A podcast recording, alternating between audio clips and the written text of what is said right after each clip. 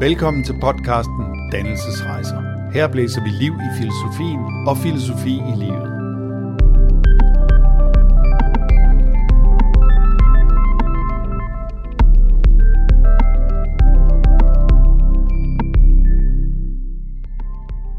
Velkommen. Jeg er filosofen Anders Fogh Jensen. Og jeg hedder Rasmus Harsbo, og vi har lavet en filosofisk podcast. I podcasten Dannelsesrejser følger vi nogle helt almindelige mennesker, der er taget på dannelsesrejse. Og hvad er en dannelsesrejse så? En dannelsesrejse det er en rejse ud på en uge, hvor vi igennem undervisning giver overblik over et helt felt. Den moderne litteratur, arkitekturhistorien, alle tiders myter eller som her filosofisk livskunst. Men en dannelsesrejse er også så meget andet. Det er lange siestaer, snak rundt omkring bordet, om de store og de små ting i livet, og en hel masse vandreture, hvis man har lyst til det. I den her podcast, der tager vi udgangspunkt i, hvad folk siger om deres eget liv og om, hvordan de har levet. Og så hører vi også et udpluk fra de forskellige undervisningspas om, hvad folk taler om på sådan en dannelsesrejse.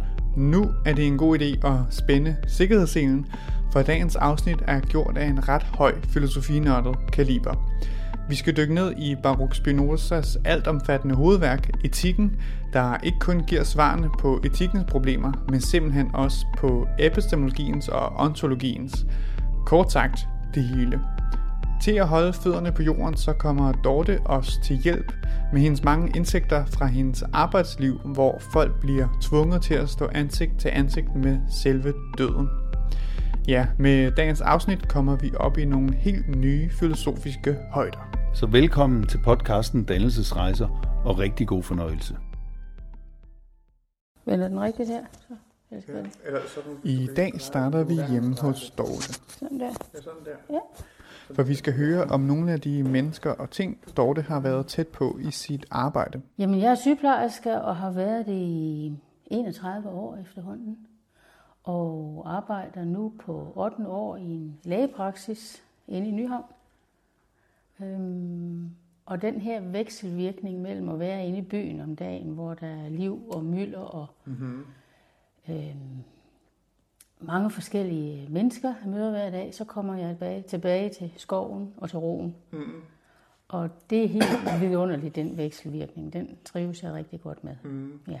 Fordi ja, du bor lige her ved stationen, yep. og så har skoven lige på den anden side. Det er nemlig rigtigt. Vi kan se mm. den ud af vinduet der. Der Ah, har ja. vi. Ja. Så det tager Mm. et minut at gå til skoven. Ja. Dortes stemme har vi allerede hørt før, skal jeg huske at sige. Det var nemlig hende, der havde det umage par Erik og Herluf som bordherrer på dannelsesrejsen, hvilket vi har hørt om de sidste to afsnit. Men som Dorte lige har sagt, at have hareskoven ude i baghaven er ingen dårlig ting, når man arbejder inde ved det travle Nyhavn med rigtig mange mennesker. Men at have et stille sted til eftertænksomhed er heller ikke så dårligt, når man arbejder med en ret speciel kollega. Jeg har jo mange, mange gange i de 31 år siddet hos, hos døende mennesker. Mm. Eller mennesker, som har fået en diagnose, som gør, at de dør inden for en nær fremtid. Med døden som nær kollega i så mange år, har Dorte haft masser af tankestof til sine gåture i Hareskoven. Og deres reaktioner på det mm. øh, har gjort mig tænksom. Mm-hmm. Fordi nogle mennesker har en bitterhed. Og nogle mennesker, finder ud af når de finder ud af det, der er en bitterhed. Ja. Bitterhed over det liv, de har levet. Bitterhed over de ting, de ikke har nået eller opnået, mens ja. de levede. Øh, og andre mennesker er... Øh, øh, hvordan skal jeg klare det? Livsmætte på en god måde. Mm-hmm. De har en ro med det, fordi de har opnået det, de gerne ville. Mm-hmm. Og der er en enorm forskel, og det har gjort mig nysgerrig at tænke, hvad er det de mennesker, som har den ro til at dø? Ja. Hvad, hvad er det, de har oplevet? Hvad er det, de har gjort i deres liv, mm-hmm. som de andre ikke har gjort? Mm-hmm. Det er som om, de bedre kan give slip til døden, fordi de er, de er livstilfredse. Og dem, der ikke har nået det, de klamrer sig til livet stadigvæk, ja. og vil ikke give slip. Øhm, Og hvordan for eksempel sådan en, der er blevet, livsmæt, øh, er det, øh, kan, kan du se et mønster? Altså, er, er de, har de oplevet at være de har, ja, de har i hvert fald valgt rigtigt, tænker jeg. Ja, De har ikke valgt forkert ret mange gange. okay. Øhm, I forhold til store livsvalg? ja, ja. Det kan selvfølgelig være, være, være valg af erhverv, det kan være valg af livspartner, Mm-hmm. Det kan være valg af sted, de har boet, eller øhm, valg i forhold til, hvordan har, ja, hvordan har de levet deres liv, hvad har de, hvad har de prioriteret. Øhm, og det har været interessant at se, at der er sådan en forskel. Og så har jeg jo selvfølgelig sat mig selv i relation til det. Hvordan den dag, jeg snart skal dø, Det er klart. hvordan, hvordan kan jeg øhm, komme derhen, hvor jeg har den der Mm-hmm. Gode livsmæthed. Mm-hmm. Øhm, og det har gjort, at jeg har tænkt, at jeg må mere ind i filosofiens verden for at finde ud af, hvad er det gode liv? Livskunsten, hvad, hvad er det? Mm. Så jeg ikke sidder som en gammel bitter dame. Mm-hmm. Og det er det, vi skal nu. Vi skal ind i filosofien og livskunsten, og se om vi kan komme det her spørgsmål nærmere, som døden har stillet Dorte så mange gange, og så mange af os mennesker først møder for sent i livet. Det vil sige, har jeg levet mit liv godt? Eller vi kunne også stille spørgsmålet sådan her. Har jeg levet mit liv etisk?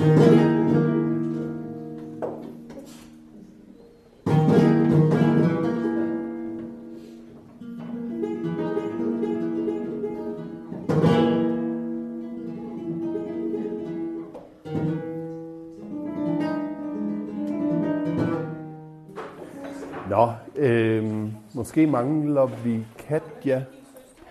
Vi skal høre mere om Dortes historie og indsigter senere, for de hjælper os rigtig godt på vej. Og så vil jeg hurtigt gerne nævne som to smagsprøver, at vi i dagens podcast skal have svar på, hvordan man gør mødet mellem en mor og sorgen ved hendes dødfødte barn til et glædeligt møde, og hvad æderkopper og lykkepiller har til fælles. Simpelthen. For at kunne komme så langt, skal vi have fat i filosofen Baruch Spinoza. Øh, ellers vil jeg bare øh, gå i gang. Vi er jo nogen, der har været ude på en lang øh, vandretur, så jeg håber, I kan holde, øh, ellers så må I drikke noget kaffe. Spinoza levede fra 1632 til 77. Så det er altså midt i det 17. århundrede, sådan det man kalder den tidlige oplysning. Spinozas hovedværk hedder Etikken, så det vi skal er, at se om ikke han kan give spørgsmålet fra før, det vil sige dødens spørgsmål. Har jeg levet mit liv etisk? En præcis og interessant betydning. Og så vil jeg også gerne lige give en advarsel på forhånd. Spinoza er en hård nød at knække rent filosofisk. Så det vil nok virke som om, at vi bevæger os på afveje nu og da, og ud af nogle tangenter undervejs. Men det kan man altså ikke rigtig undgå med ham. Jeg vil dog også gerne love, at det meste nok kommer til at give mening og falde i hak hen imod slutningen. Så hæng på. Nå, godt nok. Øh, vi var ved Spinozas bog Etikken. Og så er der det mærkelige øh, ved den her bog, Etikken, at det er, det er egentlig på samme tid en, det vi på, på filosofisk kalder ontologi, det vil sige, hvordan, hvordan er det værende, eller øh, det, der handler om det værende. Det er samtidig en, øh, det vi vil kalde en epistemologi, som er, hvordan kan jeg vide, altså det, der handler om, hvordan kan jeg vide, om det er værende. Men det er også en etik, og det er sådan lidt af en, altså hans hovedværk, der hedder, det hedder bare etikken, øh, eller etikken demonstreret efter den geometriske metode, som jo var noget, som, øh, som Descartes, som kommer lidt før, eller som skriver i, i 1640'erne, han, øh, han ligesom havde opfundet, eller ikke opfundet, men sådan havde ført frem som den metode, man ligesom skulle bruge. Så en, det, der er sådan lidt dristigt, det er, at når han skal fortælle om, hvordan, vær, hvordan verden hænger sammen, så kalder han det en etik. Med Spinoza har vi noget af en opgave foran os. Vi skal nemlig have styr på tre af hans begrebspar, og for at forberede os en smule på den her to de Spinoza, som vi skal på, skitserer jeg hurtigt ruteplanen op. Øhm, det første begrebspar udgøres af begreberne idéer og læmer, og under et kalder Spinoza det her for mærkeligt nok for kroppe. Det andet par, som under et kaldes passionerne, består af glæde og vemod. Og måske kan de her to begrebspar allerede nu give en smule mening sammen, bare sådan ud fra navnene, for, for det er vel sund fornuft, at, det alt, at der altid er passioner på spil, når kroppe mødes, kunne vi sige. Nå, det sidste begrebspar består så af, hvad Spinoza kalder inadekvate erkendelser og adekvate erkendelser og de er nok lidt sværere at koble på de to første begrebspar med det samme, men det skal vi nok komme til. Lad os begynde med det første begrebspar, og det var idéer og læmer. Det vigtige, og det der er sådan lidt, øh, øh, lidt fremmedartet måske, det er, at en krop kan både være et, øh, hvad kan vi kalde det, ligesom et, øh, et øh, hvad vi kalde et fysisk læme, eller et udstrakt læme, øh, eller det kan være en idé. Øhm, så for, Øhm, så, eller det kan være et idékompleks for den sags skyld. Hej. Øhm, så en, en, en krop kan være øhm, for eksempel øhm, øhm, min forestilling om Spanien, eller det kan være øh, øh, min forestilling om retfærdigt samfund, eller øh, ideen om kommunisme, eller Øhm, øh, mine, øh, mine billeder af, hvad en citron er. Øh, men det kan også være et, et, et, øh, et læme, ligesom det kan være en, det kan være en citron, eller det kan være en, sådan en krop. Øh, og så, så er der det, at kroppe sætter sig sammen. Det er så det næste. Det er det, han kalder okursus. Mødet. Kroppe mødes. Øhm, og altså kroppe findes i, hvad kan vi kalde det, sådan ligesom større sammensætninger. Øhm, så for eksempel, så, øh, så består min krop af øh, organer, der har sat sig sammen. Og hvert organ består også af nogle celler, der har sat sig sammen. Så i virkeligheden er min krop ikke mindste delen, men, men, det, men kroppe er, er, er sådan Spinozas mindste del, men de indgår hele tiden i større sammensætninger.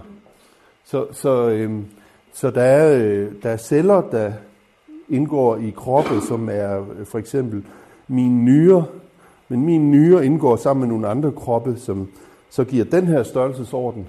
Men, men min krop som det her indgår også i, øh, i vores gruppe, for eksempel, som også er en krop. Øh, og øh, når den, øh, øh, når den gruppekrop går, går ind på en øh, tapasrestaurant, så møder den en anden gruppekrop, for eksempel nogle, en familie, der sidder og, og spiser. Så, så kroppe kan være sådan en meget, meget varierende størrelsesorden.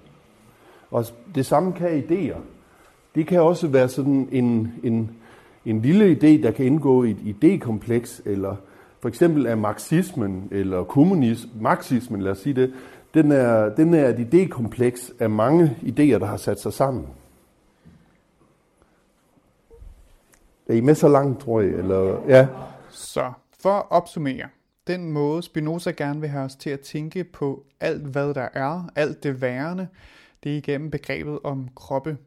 De kan så rigtig nok være udstrakte lemmer, hvilket er den måde, vi nok har nemmest ved at tænke på dem på, men han vil også have os til at tænke på idéer som kroppe, og han forsøger således altså at gøre skældet mellem tanke og materie mindre vigtigt. For hvad der er vigtigt er, at de begge egentlig er kroppe. Altså det er sådan en, han, han, han, han nemlig sige, at, det, at adskillelsen mellem, mellem sjæl og læme, eller mellem det udstrakte og det, det, det tænkte, det er, det er en falsk modsætning. I virkeligheden så er, de, så er det to aspekter af den samme sag. Det Spinoza synes at vinde ved at tænke med begrebet kroppe, det er, at han på den måde gør det nemmere at tænke i møder mellem kroppe. Ukursus, som Anders har været inde på. Det er møderne, der bliver interessante, for det er med dem, vi forstår, hvordan store kroppe, det vil sige komplekser af andre kroppe, er skruet sammen, men også hvordan de opløses. Det bringer os så videre til det næste begrebspar, passionerne. Fordi det næste er så, at i møder, i møder, der, øh, der, der får Spinoza to øh, grundfølelser. Øh, og det er øh, glæde, laetitia, og hvad vi jeg vil kalde øh, tristesse, øh, øh, er mangel på bedre ord. Det bliver samtidig oversat med sorg, men det synes jeg er lidt, øh, altså, det er en lidt dårlig, øh, øh, det er tristitia, han bruger på, jeg, vi kan også godt kalde det sorg, men sorg er for mig. Ja, ve, ja vemod. Vemod er et godt ord. Når kroppe mødes, øhm, så, kan, så, så, så øh, sker der de her, så kommer der sådan nogle sammensætninger, som han kalder kompositioner. Ikke? Så for eksempel, øh, jeres, øh, eller vores kroppe mødes her, eller ideen om dannelsesrejse mødes med Garden of Lemons, eller øh, hvis, hvis, hvis kroppe, der mødes, kan sætte sig sammen, så afføder det følelsen, eller øh, ja, følelsen af glæde. Hvis øh, kroppe mødes og ikke kan sætte sig sammen, eller hvis de har været sat sammen, kender folk også, der har været igennem skilsmisser, øh, hvis, altså et ægteskab er jo også kroppe, der mødes. Øhm, øh, hvis de adskiller sig fra hinanden, så øh, medfører det vemod. Det kan selvfølgelig godt, en skilsmisse kan jo godt medføre muligheder for nye møder. Det har man også hørt om. Ikke? Øhm, så, så Spinozas idé er, at øhm, de her, dem kalder han passioner. Passioner. At, at vores liv, når vi er, øhm, når vi lever øh, som almindelige, eller ikke som almindelige mennesker, man skal sige, som uden, uden så meget bevidsthed, vil han sige, så, le, så lever vi i passionernes vold.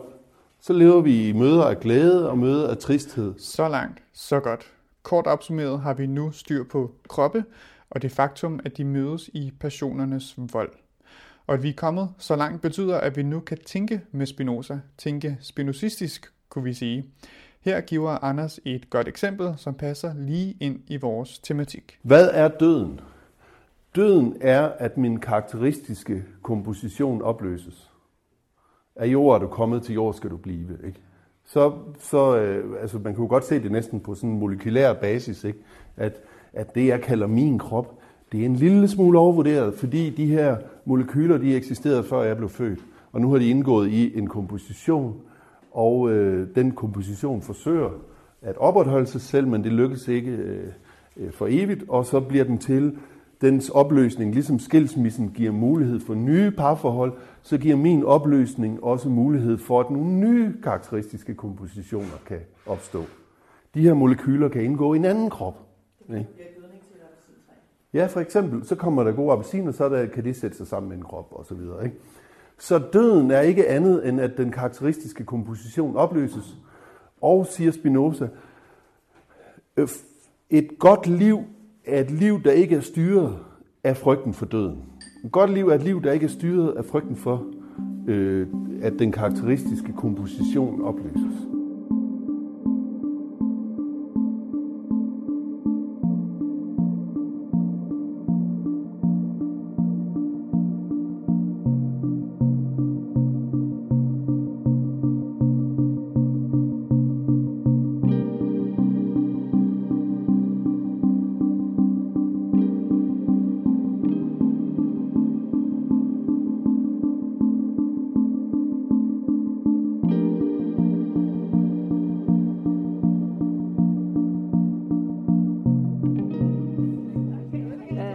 At kunne sige, når man er gammel, og man er tilfreds med det, man har gjort. Ikke?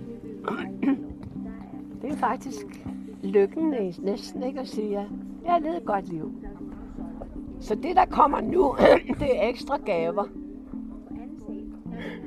Altså, man kan sidde hernede og bare være til og modtage, og det er jo en ekstra gave.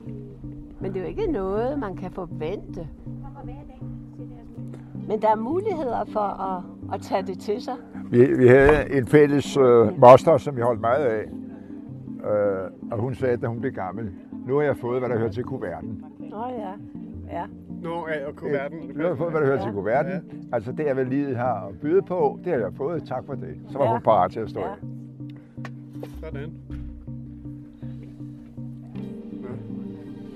Det var godt at kunne sige, ja. Ja. Midt af dage. Ja. Det var vores far. Han var midt af dagen. Ja, det var han vel egentlig. Ja.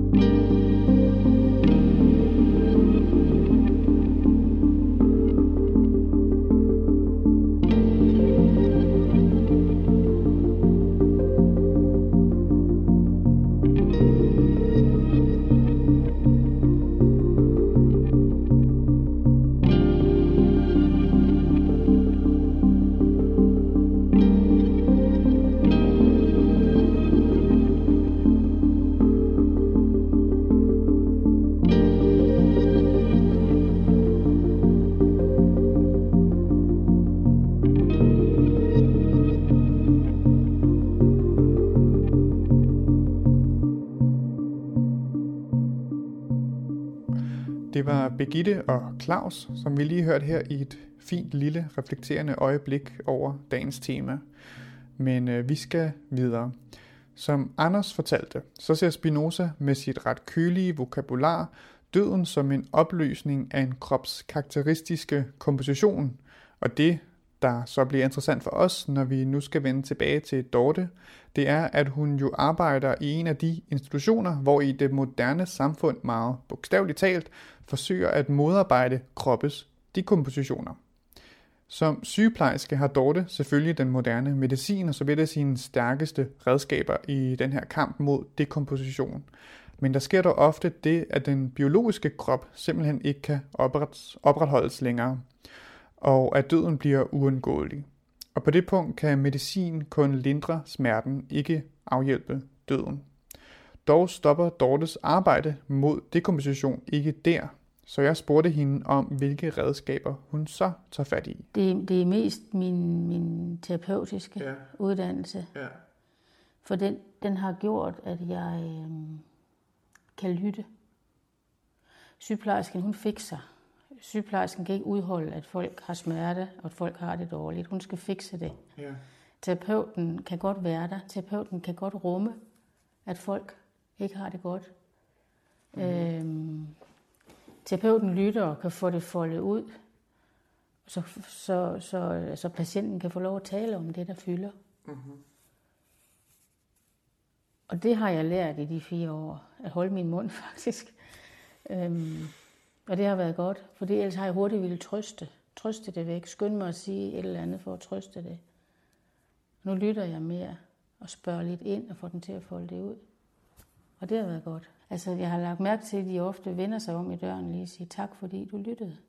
Mm. Så det er det, mange mennesker har brug for, at, at nogen lytter. Og det tror jeg også i et ægteskab, hvis vi kan sige det sådan. Men jeg har brug for, at vi lytter til hinanden. At det ikke bare er snak, snak, snak hele tiden. Mm. Nærvær.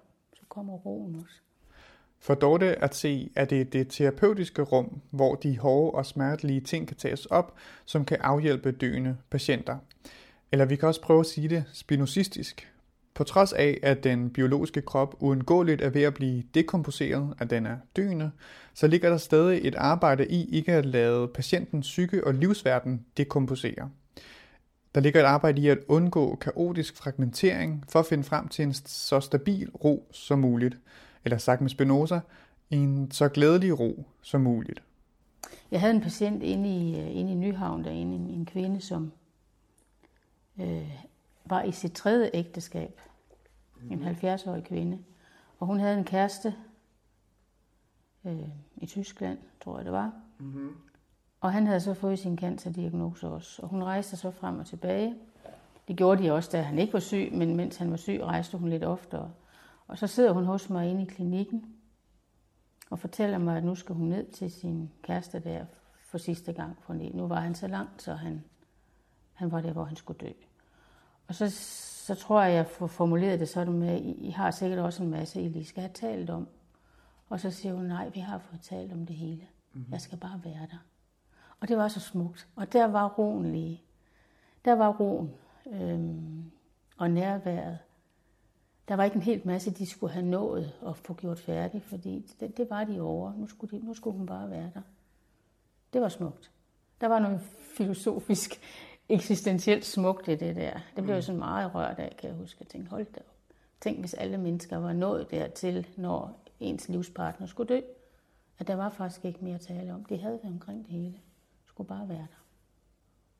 Og der er mange, der ikke får talt. De fik talt sammen i et helt ægteskab. Og det mærker man til sidst. Men det vil jeg jo mene var det gode liv i hvert fald, at man taler med de mennesker, man har tæt på. Mm. Og det er ikke min oplevelse, kan... at alle gør det. Fra Dortes præcise og kortfattede formulering om, hvad det gode liv er, skal vi nu tilbage til Spinozas måske lidt mere træge og langstrukne, men forhåbentlig også frugtbare dosering over emnet. Nu kommer der så øhm, hvad man kunne kalde en immoralisme. Med det vil jeg mene, at for, for Spinoza, der er moral og moralisme, det er, det er kun fordi, man ikke forstår. Med andre ord, når vi nu med Spinoza opgør alle møders udkom i enten glæde eller vemod, giver det på sin vis ikke længere mening at tænke i moralisme. Hvis man forsøger at prædike, hvordan møder bør være, er det blot fordi, man ikke har indsigt i de kroppe, som faktisk mødes. Eller vi kan også sige, at for så vidt man forsøger sig med at moralisere, meddeler man sig egentlig bare i brugsanvisninger. Det kommer Anders ind på her, hvor han inddrager sin lille søn. Når vi siger til lille Louis, nu skal du, nu skal du tige stille, så, så, så siger vi egentlig bare, øh, jeg, jeg bliver dekomposeret af ikke at få søvn. Men det er ikke, det er ikke, det er ikke et påbud. Det forstod han så ikke. Nej, nej, nej. Nej. Så, så, så, så, så det, det, er ikke, det, der er, det er aldrig et, du må ikke larme. Det er et, hvis du larmer, så øh, får jeg en dårlig dag. Men det er, ikke en, det er ikke at sige, hvad nogen må, det er bare at give, uddele brugsanvisninger. Okay, godt nok. Nu har vi kroppe, personer, vi kom hurtigt ind på døden, og så har vi immoralisme, eller ideen om, at moraliseren blot er uddelingen af brugsanvisninger. Nu er vi snart ved at nå til det sidste begrebspar, adekvate og inadekvate erkendelser, men inden vi når dertil, skal vi hurtigt have et kort intermezzo. Så skal vi bruge nogen. Er der nogen, der kan finde ud af at folde servietter? Eller lave sådan nogle figurer, man skal lave, når man øh, holder fest? Kan du lave en? Er der andre, der kan lave en? Den måske mest grundlæggende antagelse i Spinozas store system er nemlig, at alt hvad der er, det er det, der er. Det kan måske lyde som logik for burhøns, men hvis man hurtigt overvejer, hvilken tid Spinoza kommer fra, bliver det hurtigt forståeligt, hvorfor det egentlig er en ret radikal antagelse. Hvad er det der? Det er knuden, ja. ja. I kristendommen er Gud nemlig transcendent. Han overskrider den verden og findes i det hensidige og ikke i det denne sidige. Men for Spinoza derimod er Gud netop ikke transcendent. Gud er immanent. Han er iboende. Muslingen var ellers... Øh, men den kan ikke stå selv. Hvis nu havde været en øh, sådan stiv... Jamen, hvis det nu havde været en stiv stofserviet i stedet for et vådt viskestykke. Faktisk ser Spinoza sådan på det, at Gud er alt, hvad der er, eller at alting er aspekter af Gud. Øh, ja. Det er derfor, Anders har taget servietter med, som vi har hørt lidt om her. For det har han nemlig en pointe med. Okay, men, men, øh, men reglen er, når man skal lave det der, ikke, at man må ikke bruge noget uden for servietten til at få figuren. Vel? Man, man må kun bruge servietten. Med andre ord, servietten er en metafor for Spinozas Gud, det vil sige for alt, hvad der er, for totaliteten af alle kroppe og deres sammensætninger. Fordi servietten kan folde sig på uendelige måder. Javel, øhm, den her grundantagelse skal vi nu bruge til at få styr på de inadekvate og adekvate erkendelser. Ideen er nemlig, at vi kan se det, der er, vi kan se på servietten fra forskellige perspektiver, og nogle er bedre end andre. Vi kan se det, vi kan se det fra øhm, det, han kalder den inadekvate erkendelse. Altså den ufuldstændige erkendelse. Det er, når jeg ser ting fra min krop, eller fra kroppens synsvinkel, så siger jeg, øh, appelsiner er gode, arsenik er dårlig, eller arsenik er ondt. Øh, øh, øh, jeg, jeg, altså så, så, så kigger jeg fra passionernes synsvinkel. Det, som Anders hentyder til her, er, at vi på det her erkendelsesniveau med de inadekvate erkendelser ikke har løftet os ud over moralismen og passionerne. Så det næste, det er, at man kan se det fra den adekvate øh, synsvinkel. Adekvat erkendelse. Eller, det er, når jeg ser, og jeg har indsigt i lovmæssigheder. Lidt det, vi var inde på før. Altså, jeg ser, appelsin møder Anders, betyder andres krop bliver glad, appelsinkrop øh, bliver trist. Øh, det er, når jeg ser det, når jeg har indsigt i lovmæssighederne, øh, så, så har jeg en adekvat erkendelse af tingene. Når man ser på tingene fra sit eget synspunkt, fra sin egen krop i passionernes vold, opnår man altså kun inadekvate erkendelser. Mens at når man begynder at forstå verden ud over sig selv, forstå andre kroppe og de måder, de lovmæssigt mødes på, så kan man komme op og opnå adekvate erkendelser. Øh, det forskellen på de her to, det er også, at jeg står og laver mad, og så skiller sovsen, og så siger jeg, hov, sovsen skillede. Ikke? Men hvis jeg ved lidt om kemi, så forstår jeg, hvorfor sovsen skiller. Og så, når jeg laver den igen, så siger jeg, hvor sovsen skiller den her gang. Når den skillede, hov, så laver jeg det igen. Når nu skillede den ikke. ikke. Sådan kan jeg godt leve mit liv. Men jeg kan også have indsigt i, hvordan kroppe virker sammen. Og så kan jeg arrangere møderne bedre. Men så indfører Spinoza også et sidste øverste erkendelsesniveau. Og det, det handler om i sidste ende, det er at nå frem til at se det hele fra serviettens synsvinkel. Det kalder Spinoza også for evighedens synsvinkel, subspecie eternitatis. Det her, det er fra serviettens synsvinkel. Yes, så er vi kommet igennem til det Spinozas mest genstridige dele, og man er meget velkommen til at lytte dem over igen, hvis man har brug for det. Det, der står tilbage nu, er blot at høste frugterne af vores hårde arbejde. Det vil sige, vi skal til at smage på de høstede frugter og forsøge at tænke spinozistisk. Så hvad kan man sige, hvis man skulle sige, der er en, en hvordan skal jeg leve mit liv Spinoza, så handler det mere om, at der er dumme og kloge liv. At der er dumme og kloge livsformer. Øh, og man kan meget vel være heldig, men dum. Men, men det er nok usandsynligt at blive ved med at være heldig. At nogle gange skiller sovsen, eller det kan også være, at der bare er liv, der udspiller sig heldigere end andre. Nogle møder, øh, nogle bliver tilfældigvis født i en krigszone, ikke? så er der stor risiko for forskellige typer af dekompositioner. Man kunne sammenligne det her med, en, en, at man kan svømme. En adekvat anerkendelse, det er sådan, at, at vide noget om vores virkningsforhold. Og hvis jeg kan svømme, så kan jeg også forstå, hvordan kan min krop sætte sig sammen med havkroppen. Øh, det vil sige, jeg ved, at når der kommer en kæmpe stor bølge, øh, så skal jeg dykke. Ikke? Og, når det, og når så den er, den er kommet under den, så kan jeg komme op igen og sådan noget. Så jeg kan forstå at sætte min krop sammen med havkroppen. Så er man i den adekvate erkendelse. Og når man er her... Anders peger her på subspecie eternitatis, evighedens synsvinkel. Så forstår man, at når man bader, så er det havet, der er med sig selv. Af vand er du kommet til vand, skal du blive, eller du er alligevel også 80% vand. Eller, øh, så, så altså, men vi skal jo leve liv, øh, hvor vi... Ja, altså hvis man kan have det her i baghovedet, så er man måske befriet for en del frygt for opløsning. Problemet kommer selvfølgelig, hvordan skal man starte erkendelsen? Hvordan skal den dumme forstå, at han er dum? Øh, hvordan, hvordan starter man det? Og der siger, der siger Spinoza, at man kan lære noget af kærligheden, eller, eller af glæden, rettere sagt. Fordi at når man sætter sig sammen med noget, så begynder man også at forstå, hvad man har til fælles. Det vil sige, at man begynder at forstå noget, der er en smule mere alment end ens partikulære øh, synspunkt.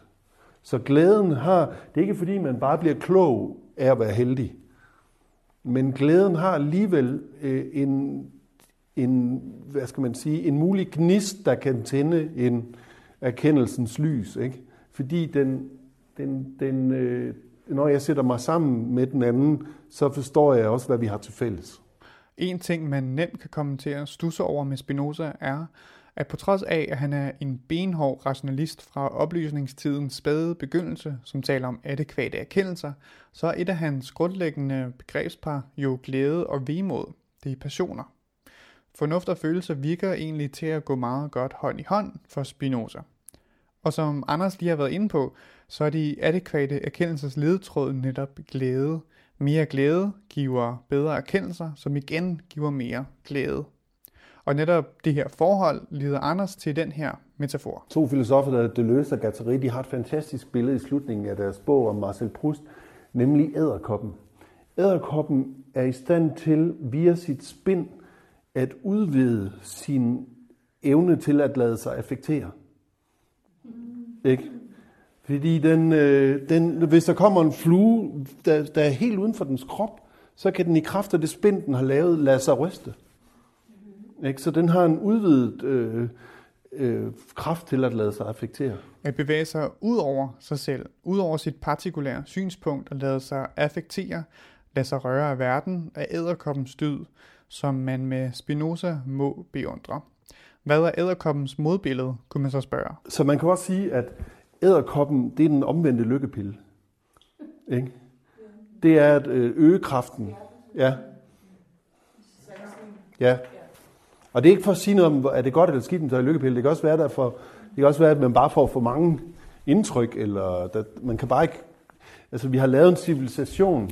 Vores natur har ikke forandret sig lige så hurtigt, som vores civilisation har. Og så står vi med en, med en natur, som ikke passer til civilisationen. Det er vi nødt til at kompensere for ved at lave en omvendt æderkop, måske. Ikke?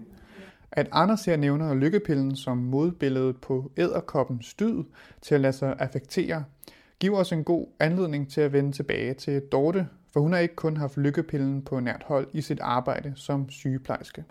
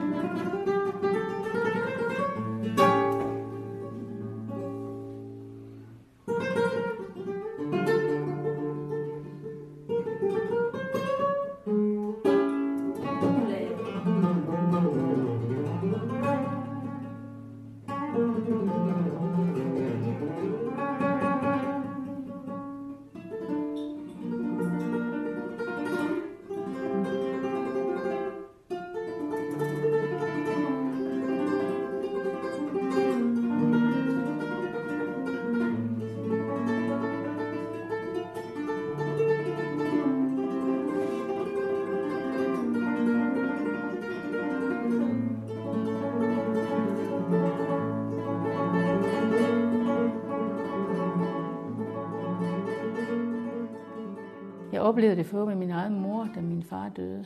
Øhm, de havde også levet sammen i mange, mange, mange år. Og så bliver der jo en ensomhed, da han pludselig er væk. Og jeg tror, at inden for den første uge, så havde hun været hos lægen og fået antidepressiv medicin. Og jeg tænker, øv, hvor er det trist, fordi hun ændrede helt stemningsleje. Hun blev, hun blev sådan ligeglad. Hun havde sådan en helt flat stemningsleje. Hun var ikke ked af det, men hun var heller ikke glad. Hun var ingenting. Jeg kunne slet ikke kende min mor igen. Og det var trist. Okay. Og jeg tænker, øv, skulle hun ikke have lov at være i den sorg, at der så var nogen, der lyttede til hende og var med hende, mens hun, hun sørgede. Det var, det var øhm, tankevækkende og ubehageligt at se på. Og så nemt lige at lave en recept på den der pille. Lykkepillen blev den kaldt, ikke? Så var hun lykkelig igen, ugen efter min far var død. ja, hurra. I forlængelse af samtalen her om Dortes mor, så kom Dorte og jeg øh, i vores samtale også ind på en anden enorm sorg i Dortes liv. Blandt andet har jeg øh, selv oplevet at miste et barn.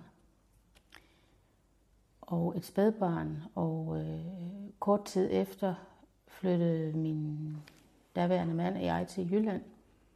Og var i en forening derovre, der hed Foreningen, Landsforeningen Spædbarnsdød, tror jeg den hed. Og det var et religiøst område der i Vestjylland. Et område, som jeg for selv kommer fra oprindeligt, men, mm. men forlod, da jeg var 20 år. Og det kommer vi så tilbage til, og der er mange troende mennesker derovre. Og der kunne jeg mærke, at, at de havde en ro i forhold til det at miste et barn, som var påfaldende, eller i, i øjnefaldende. At øh, det kunne de på en eller anden måde bedre håndtere end ikke-troende. Og det var interessant at spore. Så var der så et forældrepar, som ikke nåede for deres barn døbt, fordi barnet var dødt ved fødslen. Og det var en større sorg, end at de havde mistet deres barn. Det var en større sorg, at barnet ikke nåede at blive døbt. Mm. Og det var også sådan, jeg, jeg, standede op og tænkte, hold da op. Det er, det er en, en, nogle stærke, eller en stærk tro, der er der. Og hvad tror du formidler? Hvad der formidler det? Ja. Jamen det er jo, at det er et Guds barn, og Gud tager sig af det barn. Så det har det godt, hvor det er. Mm-hmm. Du har blevet ikke nogen, der blev vrede på Gud, for eksempel? Jamen det gjorde jeg jo selv. Ja. Fordi den tro har jeg jo haft i min barndom, men er jo ligesom, efter at jeg flyttede fra mit barndomshjem, så er den jo blevet minimeret. Øh, men den lille rest, der var tilbage, den, den havde jeg nok som om, den forsvandt i det øjeblik, mit barn skulle dø. Så, så kom der en vrede og tænkte, nej, det, han findes ikke, eller mm-hmm. der er ikke en Gud. Mm. Øh, jeg kan huske, at øh, jeg kan huske min mor, som var meget troende, hun sagde til mig, at det var Guds straf, at vi skulle miste vores barn, for vi var ikke gift. Og der røg det aller sidste, hvor jeg tænkte, hvis det er sådan en tro der, så har jeg ikke brug for den. Det må også have været hårdt at høre. Det var lidt hårdt at høre, i stedet for at hun ja, viste lidt omsorg. Det gjorde hun også, men, men øh, det, var, det var hendes opfattelse, at sådan var det. Mm-hmm. Mm. Så der er, jo, der er jo mange sider af den tro, der altså dem, der sådan virkelig har det. Øhm, som en, en, ja, hvad skal man kalde det? Støtte, det er et forkert ord, men dem, som er virkelig troende, for dem var det en hjælp. Deres tro var en hjælp. Mm. Det var det helt sikkert, at de mm. fandt en ro i det. Det gjorde de. Selvom Dorte ikke fandt meget omsorg på sin hjemmeegn i det religiøse Vestjylland, så endte hun alligevel med at få hjælp fra en præst, en hospitalspræst. Jeg kan for også huske, jeg sad og talte med ham, øh, da mit barn skulle dø. Den præst på Rigshospitalet. Jeg kan huske, jeg sad og sagde til ham, øh, hvor er det uretfærdigt, at jeg skal miste mit barn? Og så siger han, ja heldigvis. Og så siger jeg heldigvis. Så sagde han, jeg tænkte, hvis det var retfærdigt. Tænk, hvis det var retfærdigt. Tænk, hvis du har gjort noget, der var så forfærdeligt, så du skulle miste dit barn. Det var en meget smuk vending, han lige fik ind der. Tænk, hvis det var en straf, at du havde gjort et eller andet, der var så forfærdeligt, så nu skal du straffe som miste dit barn. Så heldigvis er det ikke retfærdigt. Heldigvis er det helt tilfældigt, hvem der mister deres barn. Ikke? Det var egentlig meget smukt, at han lige fik den der drejning på. Jeg blev lige vred på ham, da han sagde det. Ja, heldigvis er det ikke retfærdigt. Jeg tænkte, hvad? Tænk, hvis det havde været retfærdigt. Mm. Det gav sådan lige lidt stof til eftertanke, kan jeg huske, og det gav egentlig også lidt ro. Og det han sagde, var jo i kontrast til det, min mor sagde. At, at jeg var selv, det var retfærdigt? Det var retfærdigt. Der, mm. jeg var, der, der fik han den set anderledes. Mm. Jeg kan huske, han sagde, jeg tror, at ham deroppe, han sidder og peger ud, at du skal miste, du skal miste, du skal miste. Så får han travlt, sagde han. Så, så han fik sådan lige drejet lidt humor ind i det Han lyder som Johannes Møllehave. Ja, det gjorde de minder meget om hinanden, de to. Ja, han var, han var, han var rigtig god. Ja. Han fik, faktisk, han fik faktisk så meget humoren ind i det, så, så, så selv om jeg øh, på det tidspunkt vidste, at mit barn skulle dø, så fik han mig alligevel til at grine. Du vidste så, barnet var ikke dødt endnu? Øh, barnet var ikke, altså, jeg fik at vide, da jeg var otte måneder gravid, at, mm. at, at hun ville dø, når hun blev født, på grund af en hjertefejl. Ja. Så jeg sad der højgravid og snakkede med ham. Øh, og han turde, han kunne turde godt at tage udgangspunkt i, hvad sker der, når et barn dør? Han turde godt at lytte og turde tale om det, hvor andre jo igen forsøger at trøste og sige, ah, men de tager fejl, og hun dør garanteret ikke, og du skal se, det går nok. Altså, man bliver forladt det er den der trøst mange gange, så, så, så føler man sig forladt. Og det er det, vi tit gør, når nogen har det skidt, så trøster vi. Skynder os at trøste, fordi så går det over, men det gør det jo ikke. Man får en ensomhed i stedet for. Men han turde godt at tage fat i det. Hvordan ser et dødt barn ud? Hvad gør vi med hende, når hun, og hvor skal hun begraves? Og kan man helt få fra de praktiske helt ting? fra de praktiske ting, som ingen turde snakke om, fordi mm. folk flygter fra det. Han turde godt, og det var rigtig rart. Og så kom vi til at snakke om, hvad gør vi med den der lille kiste? Hvordan får vi den hen til kirkegården? Sådan, og så siger han, jamen, I, I kan næsten gøre, hvad I vil med den, men måske skal I ikke lige frem til bussen, siger han. Tag bussen? Og så oplever man, at man sidder og griner i smerten, ikke? Og det var egentlig enormt befriende, fordi man kan ikke holde ud og være i den smerte hele tiden. Så han kunne tage mig ud af den indimellem, så grinede vi. Og det var helt grotesk, mm. men det kunne han. Mm. Han, er, han er dygtig, mm. altså virkelig, virkelig dygtig. de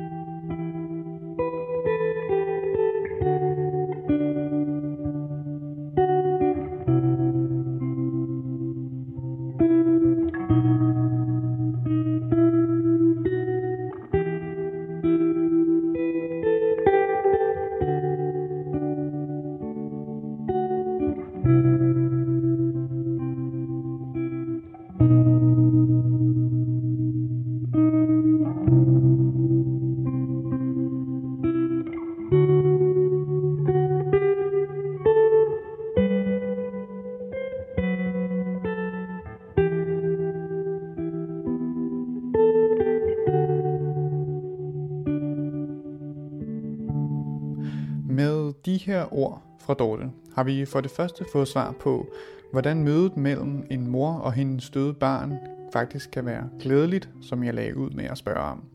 Og det skal selvfølgelig ikke forstås sådan, at Dorte simpelthen fik fjernet sin sorg og derfor blev glad. Det vil nærmere være beskrivelsen af, hvad lykkepillen gjorde ved Dortes mor, som jo ikke endte med at blive glad, men blot at blive ligeglad. Mødet mellem Dorte og hendes sorg blev derimod behendigt arrangeret sådan af hospitalspræsten, at det faktisk blev glædeligt, eller i hvert fald så glædeligt som muligt. På den her måde har vi for det andet også fået svar på, og et meget konkret eksempel på, hvad Spinoza egentlig mener etik er. Hvad er etik så, hvis nu vi siger, at det altså det som Spinoza siger, det er, at det, der lyder som moral, det er bare brugsanvisninger. Eller det er moral, moraliseren er forsøg på at få andre til ikke at gøre, hvad de kan. Men det er ikke altid, det giver mening. Altså, det giver jo ikke mening at sige til lille Louis kan ikke lade være med at skrige, så det giver ikke mening at sige, at han ikke skal skrige. Det er sådan, hans krop er. Men, men hvad er etik så? Ja, etik det er kunsten at arrangere gode møder. Det er kunsten at kunne sætte sig sammen med noget, og at sætte andet sammen, således at der opstår mere glæde og mindre tristhed. Den måde, hospitalspræsten hjalp Dorte på, det er altså etik i sin udførelse. Ligesom Dortes eget psykoterapeutiske arbejde som sygeplejerske, kunne vi sige, også er etik i sin udførelse. Nu er vi ved at være nået til vejs ende for i dag. Men egentlig er vi ikke helt færdige med Spinoza endnu, så her får I lige hans afsluttende bemærkninger om livskunst med på vejen. Men altså det, der måske er vigtigt nok for, for Spinoza, det er, at, øhm, at menneskenaturen må studeres lige så køligt, som man studerer øhm, øh, naturen. Altså som naturvidenskaben, ikke? At der er kærlighed, der er had, der er vrede, der er gærighed, der er medlidenhed, ligesom der er solskin og der er torden. Altså det er, det, det, det er del af de møder, der er. Så hvis vi nu skulle vende os her til sidst mod, hvordan skal jeg så leve mit liv, Spinoza? Øhm, så vil et første svar være, øh, du skal ikke være en klovn. Øhm, og hvad betyder det? En klovn, det er en voksen, der stadig vil være barn. Altså det er en voksen, der ikke vil være voksen, men som øh, vil stadigvæk være barn det er Jytte Hilden i cykelshorts, ikke? Øh, det er, du har ikke længere den sexappeal, så lad være med at tage dem på. Den unge kvindes øh, død er en anden end den lidt ældre ministerens død, ikke? Så, så klonen er den, der, der, øhm, der, der, der ikke har forstået sin krop i forstand i enhver betydning af det her. Lige så vel som vi kan også sige, den, den, det gamle kloge barn er en omvendt klovn. ikke? Altså, det, det taler, som om det havde erfaring. Men det har ikke erfaring. Der, hvor Spinoza gerne vil have os hen, det er, han vil jo gerne have os til at se verden under evighedens synsvinkel, som det her betyder. Og der indfører han et andet begreb, som er beatitudio. Titudio.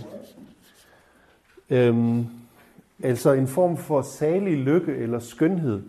Men det er ikke lykke som i øh, glæden. Altså det her, det her, det er jo også det, jeg talte om i øh, formiddag, som den erotiske glæde. Jeg får det, jeg gerne vil have, men som jeg ikke har nu.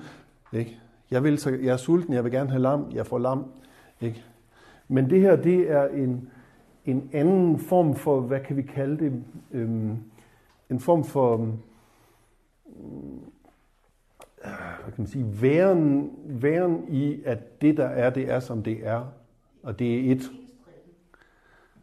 Øhm, ja, afklarethed måske. Den afklarethed. Kan måske godt... Øh, jeg vil ikke sige, det, øh, det, det er ikke en... Det er måske også det der, hvor man sådan siger, at det må gå, som det går. Jamen, det betyder jo, at når jeg går ud i kroppenes møder, så går jeg ud med en anden bevidsthed øh, når jeg vender tilbage. Så går jeg ud og siger, at nu folder, det, nu folder væren sig sådan i dag. Hvis man kan sige sådan.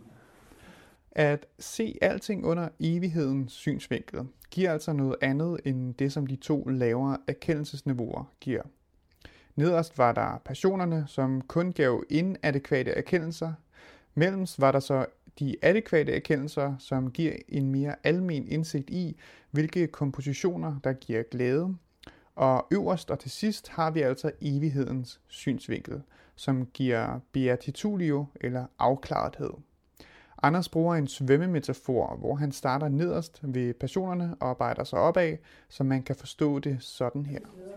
Og jeg, jeg vil også sige, hvis jeg skulle bruge min, hvis man, hvis jeg øh, bruge en metafor for det, hvis jeg har sagt, det her det er, at jeg lader mig kaste rundt i bølgerne. Det her det er, at jeg forstår at sætte min krop sammen med havkroppen. Så er det her havblik.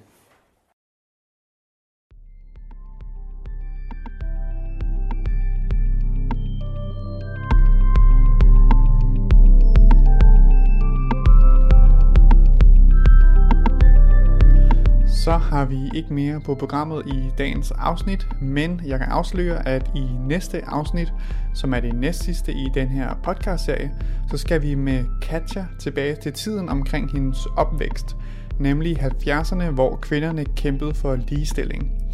Den retning, som hendes liv blev drejet ind på af de omstændigheder, har hun selv forsøgt at gøre om lige siden.